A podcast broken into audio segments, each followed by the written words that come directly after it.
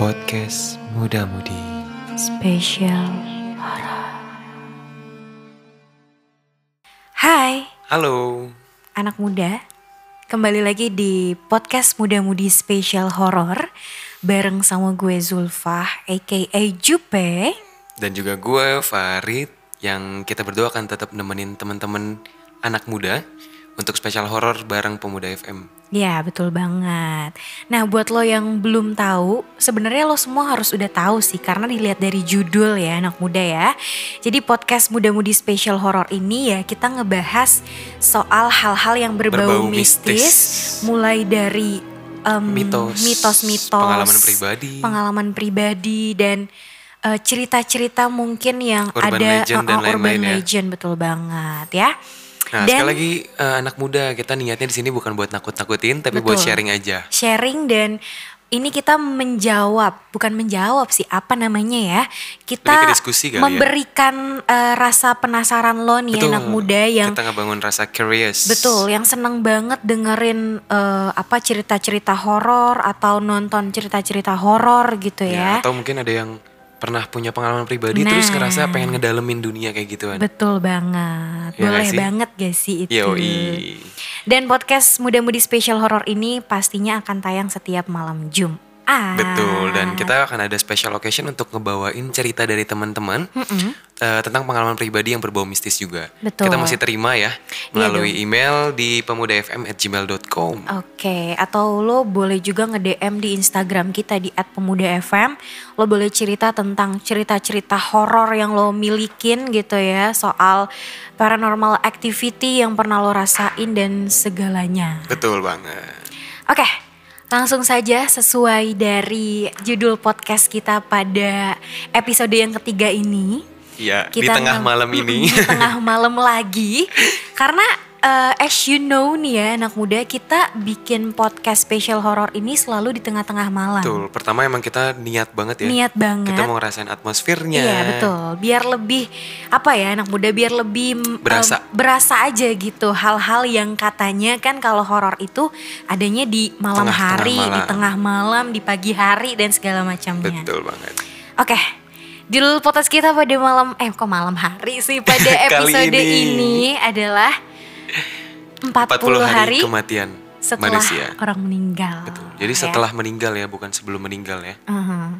Oke, gimana nih Kak Farid lo punya cerita tersendiri gak sih? Kalau gue sih jujur ada sih Hmm. cerita semacam itu yang katanya kalau orang habis Hmm. meninggal itu kan arwahnya kayak masih ada di rumah. Masih ada di tengah-tengah di kita ya. tengah-tengah kita Katanya gitu. sih. Itu lo ada gak cerita tersendiri? Sebenarnya basically kita juga harus lihat dua perspektif yang beda nih memahami 40 hari kematian orang nih Julpe. Karena ada orang yang percaya, tapi ada juga orang-orang yang nggak percaya.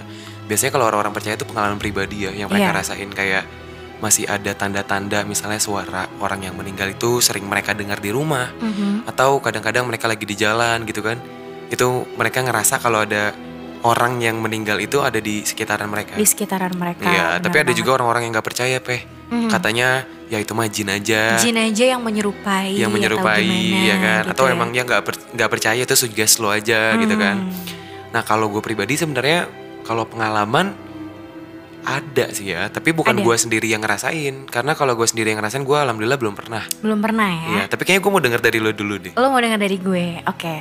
Jadi gue punya cerita nih anak muda. Em, om gue, om Mm-mm. gue meninggal beberapa tahun yang lalu. lumayan lama lumayan berarti ya. lama lah, udah lumayan udah lumayan lama. Jadi ceritanya kalau kayak mungkin di keluarga orang-orang lain juga kalau misalnya ada saudara yang meninggal, kita nginep di rumahnya Betul. gitu kan untuk nemenin anaknya atau Ngaji nemenin juga ya iya, ngaji biasanya. juga gitu. Mm-mm.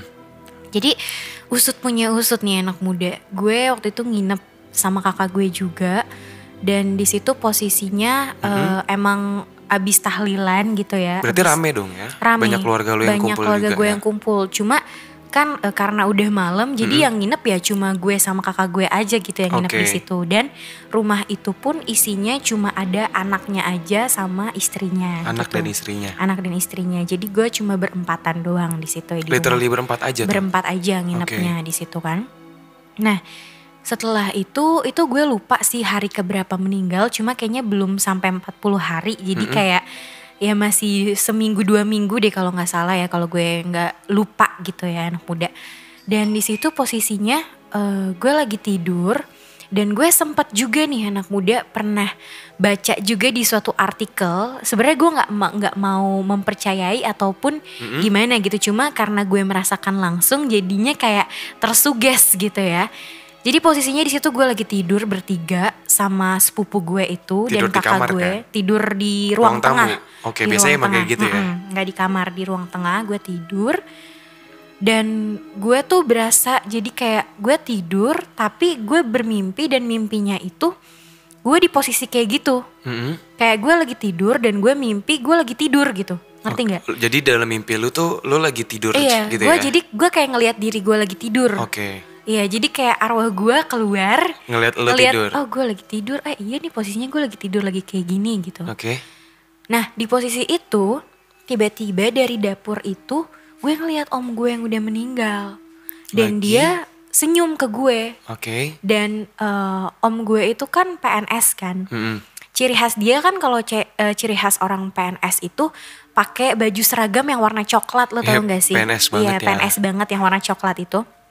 Dan itu posisinya dia emang pakai baju PNS itu Iya, lagi gue ngeliat ke lu. lagi ngeliat ke gue terus dia senyum senyum aja gitu senyum aja dan eh, apa namanya cek Cek. oke Suaranya iya suaranya tiba-tiba keganggu ya. keganggu tolong diedit ya kak Arman tadi yang krizek krizek itu dan eh, iya jadi gue di posisi itu gue ketemu sama om gue gitu Taruh tadi om lo itu lagi senyum ke lo di saat lo ngeliat lo lagi tidur Iya, atau gua ngeliat lagi- ke badan lo. ke badan gue dan dia ngeliat gue gitu Oh jadi ngeliat dua-duanya. Ah, ah, ngeliat dua-duanya gitu kayak Ngeliat ke jiwa dan raga ya? ke lo. weh. jiwa dan raga gue gitu ya. Sebenarnya itu ada cerita di di balik itu semua gitu. Ceritanya? Cuma agak kurang nggak tahu sih ini nyambung atau enggak. Jadi Oke. ceritanya itu eh, gue dari ulang lagi nih anak muda ya. Jadi ceritanya itu eh, posisinya om gue kan habis meninggal beberapa hari gitu. Mm-mm.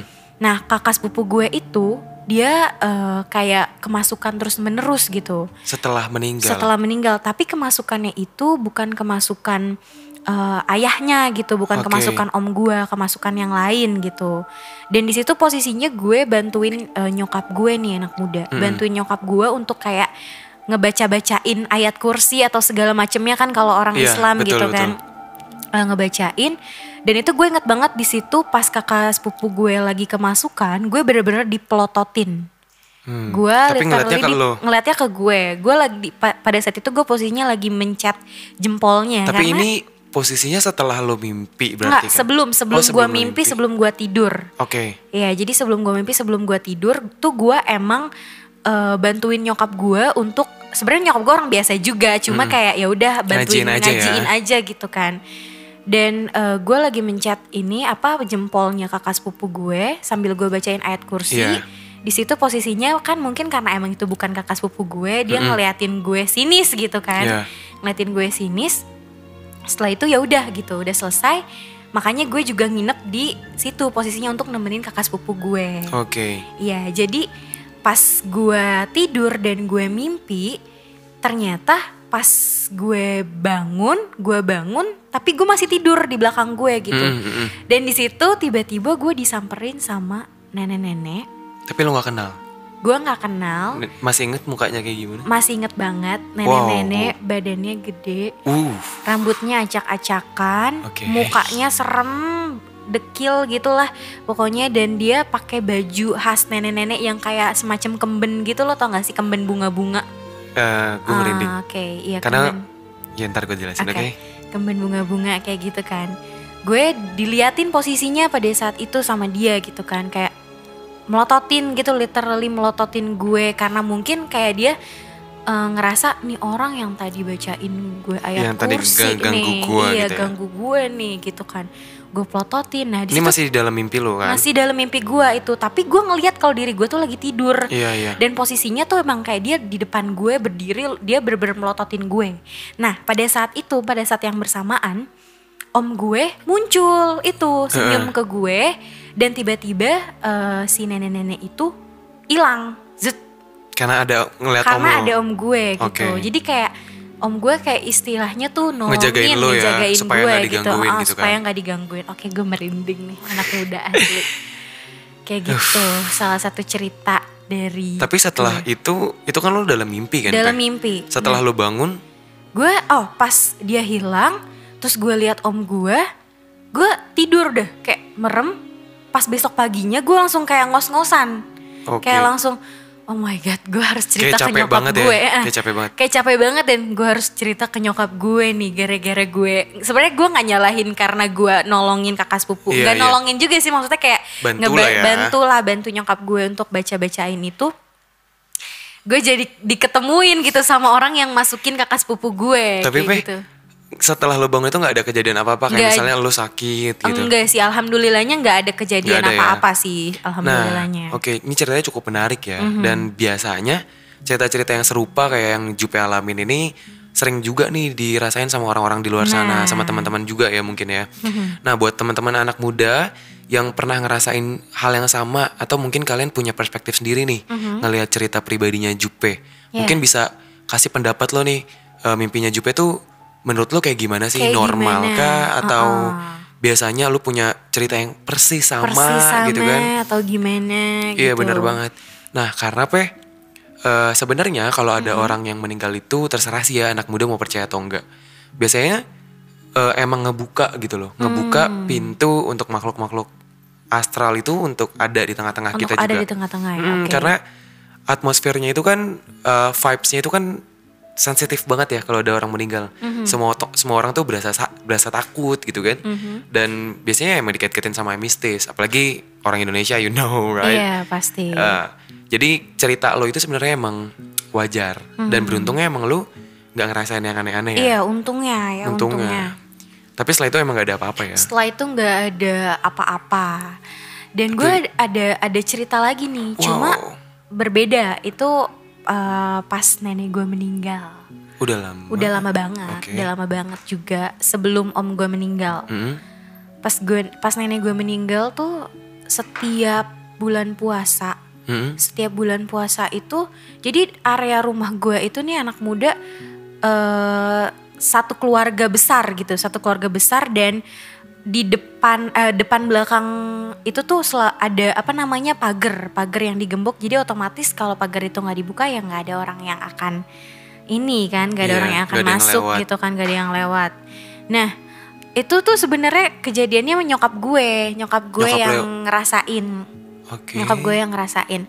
Jadi setiap eh, bulan puasa itu setelah nenek gue meninggal, entah itu setahun atau dua tahun. Hmm. Tapi selama literally setiap bulan puasa? Iya setiap bulan puasa, setiap bulan puasa. Meninggalnya pas bulan puasa juga. Gue lupa sih, gue lupa eh, bulan puasa. Kayak bukan deh, bukan. Bukan ya? Ah, ah, bukan bulan puasa. Jadi itu selalu ada yang ngetok-ngetok pintu rumah gue Pintu depan. pintu Belakang. belakang, terus eh, apa namanya pintu depan semuanya Jendela. jendela itu Benar ya? eh, eh, benar itu selalu ada yang ngetok-ngetok jadi sebenarnya kenapa gue eh, menyangkut pautkannya itu sama eh, arwah itu arwah misalnya nenek gue yang udah meninggal Mhm. karena nyokap gue cerita katanya dimimpiin kalau misalnya dida- didatengin sama Nenek nenek lo. gue itu kayak dibangunin untuk sahur atau gimana Oh, gitu nggak- kan Baik lah ya. Nah, ah, banguninnya. baik lah banguninnya cuma kan karena kalau apa namanya rada takut juga gak sih Iya, kalau benar-benar. seandainya segala setiap Walaupun nenek Eh, sendiri ya. walaupun walaupun nenek sendiri cuma rada-rada gimana gitu ya anak muda. Tapi bokap gue selalu kayak orangnya terlalu positive thinking dan kayak nggak mau percaya sama hal-hal kayak gitu dan emang sebenarnya ya lo boleh percaya boleh enggak sih ya. Hmm, Tapi ini bokap kan kita sih juga mau sharing-sharing aja Mm-mm, ya. Betul banget. Tapi bokap gue kayak orang yang nggak mau percaya soal kayak gitu. Jadi kayak ah itu paling suara apa gitu. Kayak Iya, nggak iya. mau meyakinkan adanya Betul, gitu. betul, betul. Kayak gitu sih. Lumayan, sebenarnya. lumayan ya. Dan Lumayan biasanya sih. yang lo rasain tuh emang kerabat deket ya. kayaknya. kerabat deket sih biasanya. gitu. Oke, oke. Kalau lo sendiri gimana nih Kak Farid? Gue sih lebih mau ngebahas ini sih, Pe. Apa? Eh, biasanya cerita-cerita yang sering terjadi setelah 40 hari kematian orang tuh apaan aja? Hmm, oke. Ada yang dimimpiin, Hmm. ada yang misalnya barang-barang di rumah tuh digerakin. digerakin. Biasanya kan kalau orang meninggal pas masa hidupnya tuh ada barang khusus. Hmm, Maksudnya ciri hmm. khas dia banget ciri ya. khas dia. Kayak misalnya kakek-kakek nih. Kalau kakek engkong kita, kakek kita kan ada gelas khusus dia gak sih? Hmm. Gelas susus, contang namanya Iya kan, nggak yang sih? gede-gede gitu Ah, kan. ah, ah. Nah, biasanya ada yang gerak lah gelasnya atau tiba-tiba pindah ada di tengah-tengah meja padahal ada di lemari gelas gitu kan. Terus ada juga yang eh, apa namanya berasa dipanggil, diketok-ketok yang tadi Mm. lo rasain gitu kan. Nah, eh, menurut anak muda sendiri sebenarnya eh, wajar nggak sih ada tanda-tanda kayak gitu selama 40 hari kematian? Nah, Karena kalau gue pribadi nggak dengar cerita-cerita dari teman-teman gue, pe, itu oh, lumayan horor ya, walaupun walaupun kerabat deket, orang tua atau kakek kan tetap aja ya nggak sih. pasti Hmm. ada sih. Mm-mm, karena kalau perspektif yang lain nih suka suka sharing juga kalau em, itu tuh sebenarnya bukan arwah, Ya, tapi jin yang tapi menyerupai. jin yang menyerupai. katanya Ada ya. Hmm. juga yang bilang katanya itu kembarannya, karena kita hidup katanya bisa ngeliat kembar, bisa apa namanya ada kembaran kita Ari-ari nggak hari-hari sih? kita. Heeh. Bahkan katanya di Al-Quran tuh ada ya, gue nggak tahu sih ya ya Allah. Maaf ya teman-teman yang ngerti Aha, agama. oke. Eh, katanya tuh di dalam Al-Quran ada ya ayat yang kalau kita baca berkali-kali tuh kita bisa ketemu sama kembaran Oh, kita kembaran sendiri. kita sendiri. Nah balik lagi ke cerita lo Pe, ngebahas yang nenek-nenek tadi. Mhm. Gue mau nanya dulu om lo yang meninggal itu sekitaran rumah lo ini gak sih? Iya. Iya ya, karena gue nggak bermaksud nakut-nakutin lo Pe atau Oke. teman-teman radio yang di sini yang nggak Oke, stop. bermaksud. karena yang lo sebutin itu emang yang ada di sekitaran ini. Oke, merinding. Karena tadi gue bilang merindung, kan, merindang. Kan tadi gue bilang kan, oke I know right, gue tahu Ah, tuh Uh-huh. yes. kayaknya tuh siapa gitu. Oke. Karena itu yang kalau setiap kali gue main kesini, gue lumayan sering ketemu sama beliau. Beliau nggak tuh, gue menuakan Mhm. Beliau banget ya. dong. Tapi teman-teman literally deh, gue gue nggak bilang daerah rumahnya si Jupe ini agak-agak horor nggak kok. Gue comfy banget di sini, ngerasa feels like home, anjas. Oke. Tapi eh, emang yang nenek-nenek yang itu emang beneran, kayaknya emang beneran ada di lingkungan rumah lo. Iya. Makanya betul. pas om lu datang tuh beneran dimasukin sebenarnya karena mungkin Hmm. sepupu lu tuh takut dia tuh gelisah gitu kan oke. atau emang lagi kosong pikirannya karena orang tuanya habis meninggal. habis meninggal Ya betul kan? banget. Jadi sih. gampang banget dimasukin. Rentan ya berarti ya. Nah, yang nenek-nenek itu sebenarnya emang rada jahil sih. Oke. Jadi kalau teman-teman suka dilempar mangga atau daun ranting daerah sini tuh sebenarnya emang doi Oke. gitu. Atau mungkin teman-teman juga punya pengalaman yang kayak gitu ya. Mhm. Yang dimasukin tuh bukan sama arwah orang tuanya atau tapi, Tapi sama yang lain yang gitu lain. ya. Oke. Karena emang itu dia mau ngundang aja, Mhm. mau ngundang. Nah, kalau cerita pribadi, bukan cerita pribadi gue sih sebenarnya, tapi cerita yang gue dengar juga dari teman gue, Pe. Mhm. Eh, se- sepupu gue lebih tepatnya. Sepupu gue tuh gue beda kakek sama dia kan. Mhm. Nah, dia tuh kakeknya meninggal eh, dan pas banget tuh gue nginep di rumahnya dia sama kayak lu lah. Oke. Jadi gue nemenin sepupu gue, Nemenin, kan? iya kumpul keluarga kan, ngajiin dan lain-lain. Dan meninggal tuh maghrib, jadi harus dikuburnya tuh besok sebenarnya. Mhm. Jadi tuh mayit masih ada di Di tengah-tengah rumah. iniin ya apa diinepin gitu ya. ya, diinepin dulu. Nah, kebetulan kamarnya sepupu gue itu tuh sebelahan sama kamar kakeknya dia kan. Mhm. Gue manggilnya bapak, manggil kakeknya tuh bapak. Oke. Nah, ada gelas khusus dia gitu loh, ciri khas bapak banget. Contang gitu ya, Iya, yang semacam gede. contang yang gede. Dan itu literally sepupu gue ngeliat kata dia kalau contangnya tuh bergerak. Bergerak. Iya, akhirnya sama dia dipindahin ke dapur. Dia berusaha untuk nggak takut karena mungkin dia bilang, ya itulah punya bapak, punya kakek gua gitu Iya. kan. Tapi pas udah dipindahin ke dapur, gua keluar lagi sama sepupu gua, Mhm. centangnya itu ada di atas meja lagi. Di atas meja lagi. Iya. Oke. Terus ada anak kecil kan ponakannya sepupu gua nih. Mhm. Eh, dia tuh s- deket banget sama kakeknya kan. Eh sepupunya sepupu gua lagi kan. Mhm. Dia deket banget sama kakeknya. Dia tuh suka ngomong sendiri gitu loh. Dia suka anak kecil kan namanya juga. Mhm. Jadi dia main ke bangku yang suka banget didudukin sama kakeknya Oke. dan dia manggil bapak, bapak gitu Oh. bapak. Terus dia narik-narik kakaknya, narik-narik nyokapnya kayak itu ada bapak, ada, Ada, bapak. bapak, ada bapak ya. Kayak gitu. Berarti karena emang anak kecil juga kan katanya masih rentan sama hal-hal kayak gitu nggak sih? Bisa ngelihat ya. Uh-uh, bisa ngeliat, bisa ngerasain gitu Betul, kan. Jadi emang eh, pasti Uh. keluarga keluarga deket tuh pasti emang yang paling merasakan juga sih. Tapi ada juga katanya justru keluarga sendiri tuh nggak ngerasain tapi orang lain Orang yang kayak lain yang baru dimimpiin. dateng dimimpiin Nah gitu. kalau dimimpin gue pernah pe. Kalau pernah dimimpiin. Jadi ada sahabatnya gua dan kakak lo ya si Sule ini Mm-hmm. eh, namanya Yas, namanya Allah meninggal Ya, oke. karena sakit lupus kan. Oke. Kita deket banget sama sama anak ini gitu. Dan setelah dia meninggal tuh emang gue tuh ser- lumayan sering dimimpiin kayak mungkin dia pengen gak dilupain gitu. Mm-hmm. Dia tuh pengen kita datang terus. Bahkan dua hari yang lalu tuh teman gua ngajakin ke makam kan, tapi gua Oke. nggak sempet karena hujan. Ya, nah itu akhirnya gue mimpi lagi tuh Kena gue mimpi lagi. mimpi ya? lagi gue mimpi kayak Oke. dia bilang dia nyamperin gue kayak woi ay lu sombong banget sih kayak gitu Hmm. tapi nggak ada yang serem-serem sama sekali gue Nggak ada cuman yang kayak dia serem-serem bilang sama sombong sekali ya? banget sih lu terus gue bilang yaudah maaf ya gue gue baru kelar kerja gue malah curhat jadinya Oh. Oke, gitu. itu gue merasakan juga tuh, karena kan temen lo yang temennya kakak gue juga itu pernah main juga kan ke Kesini ya. rumah, Ah, pernah main ke rumah.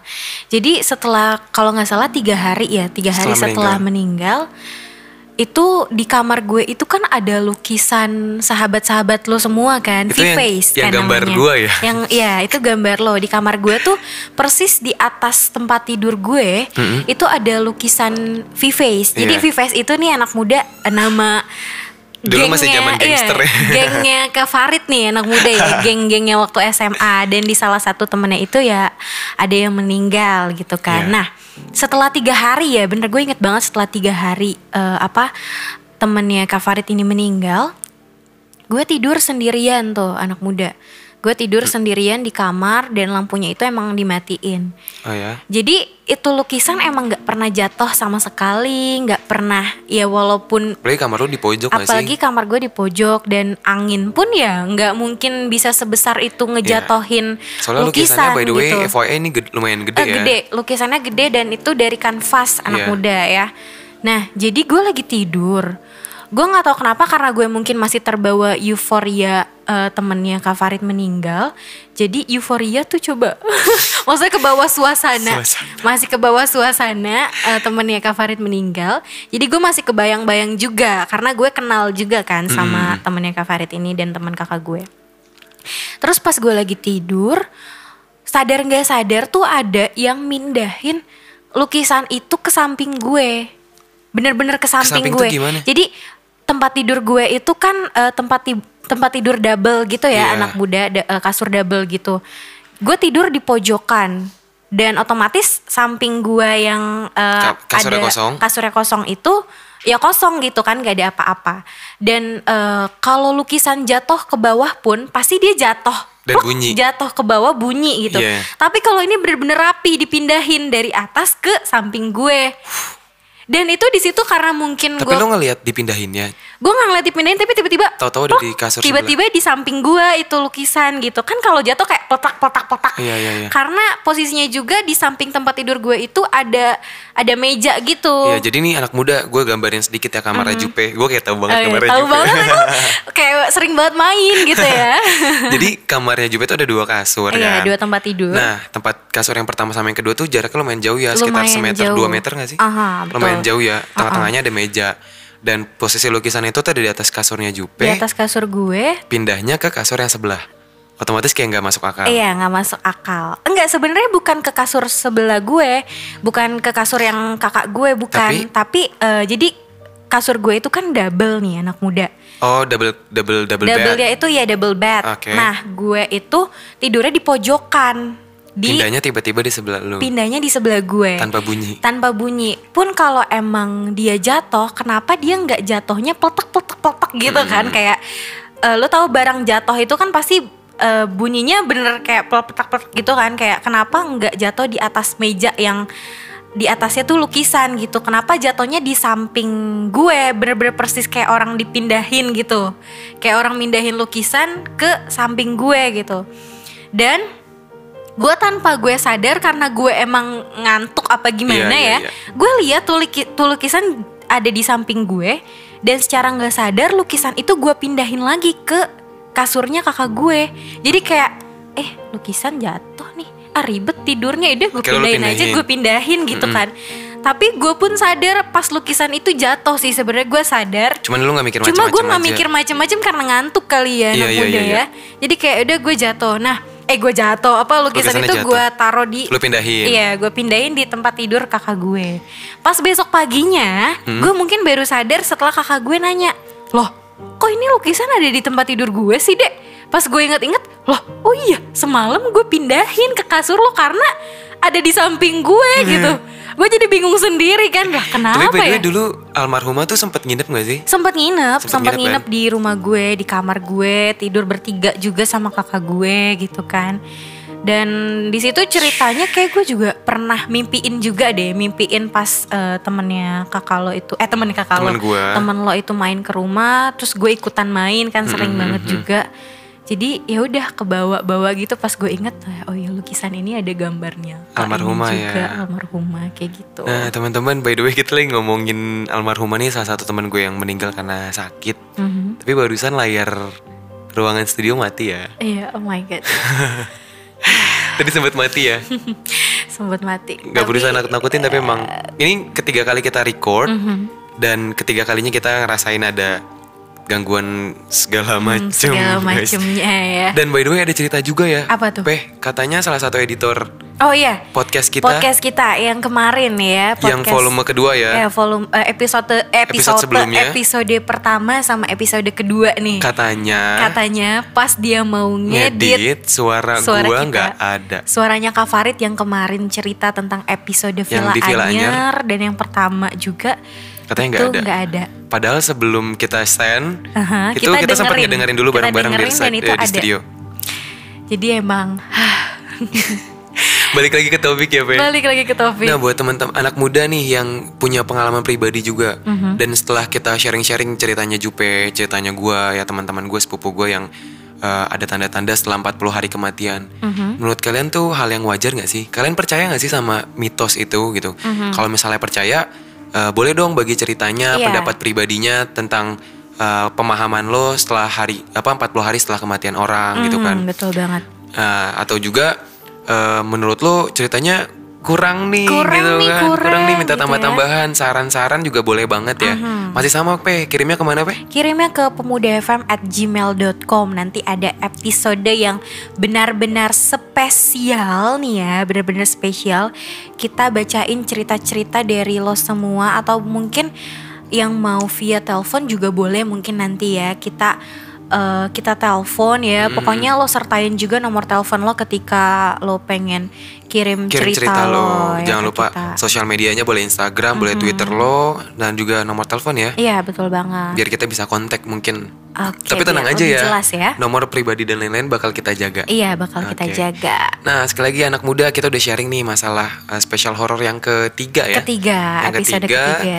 eh, ngebahas tentang 40 hari kematian setelah eh, sorry, Nah, 40 hari setelah, kematian, seseorang. seseorang. Eh, nanti kita bakal ketemu lagi di eh, episode-episode selanjutnya masih sama tentang special horror. Mm-hmm. Oke. Kita bakal mencoba untuk eh, bagi ceritain, eh, sharing tentang Mm-hmm. apa namanya hal-hal yang berbau horor dan mistis. Betul. Nggak selalu tentang kita, tapi juga bisa tentang lo ya anak Tentang muda lo ya. semua anak muda.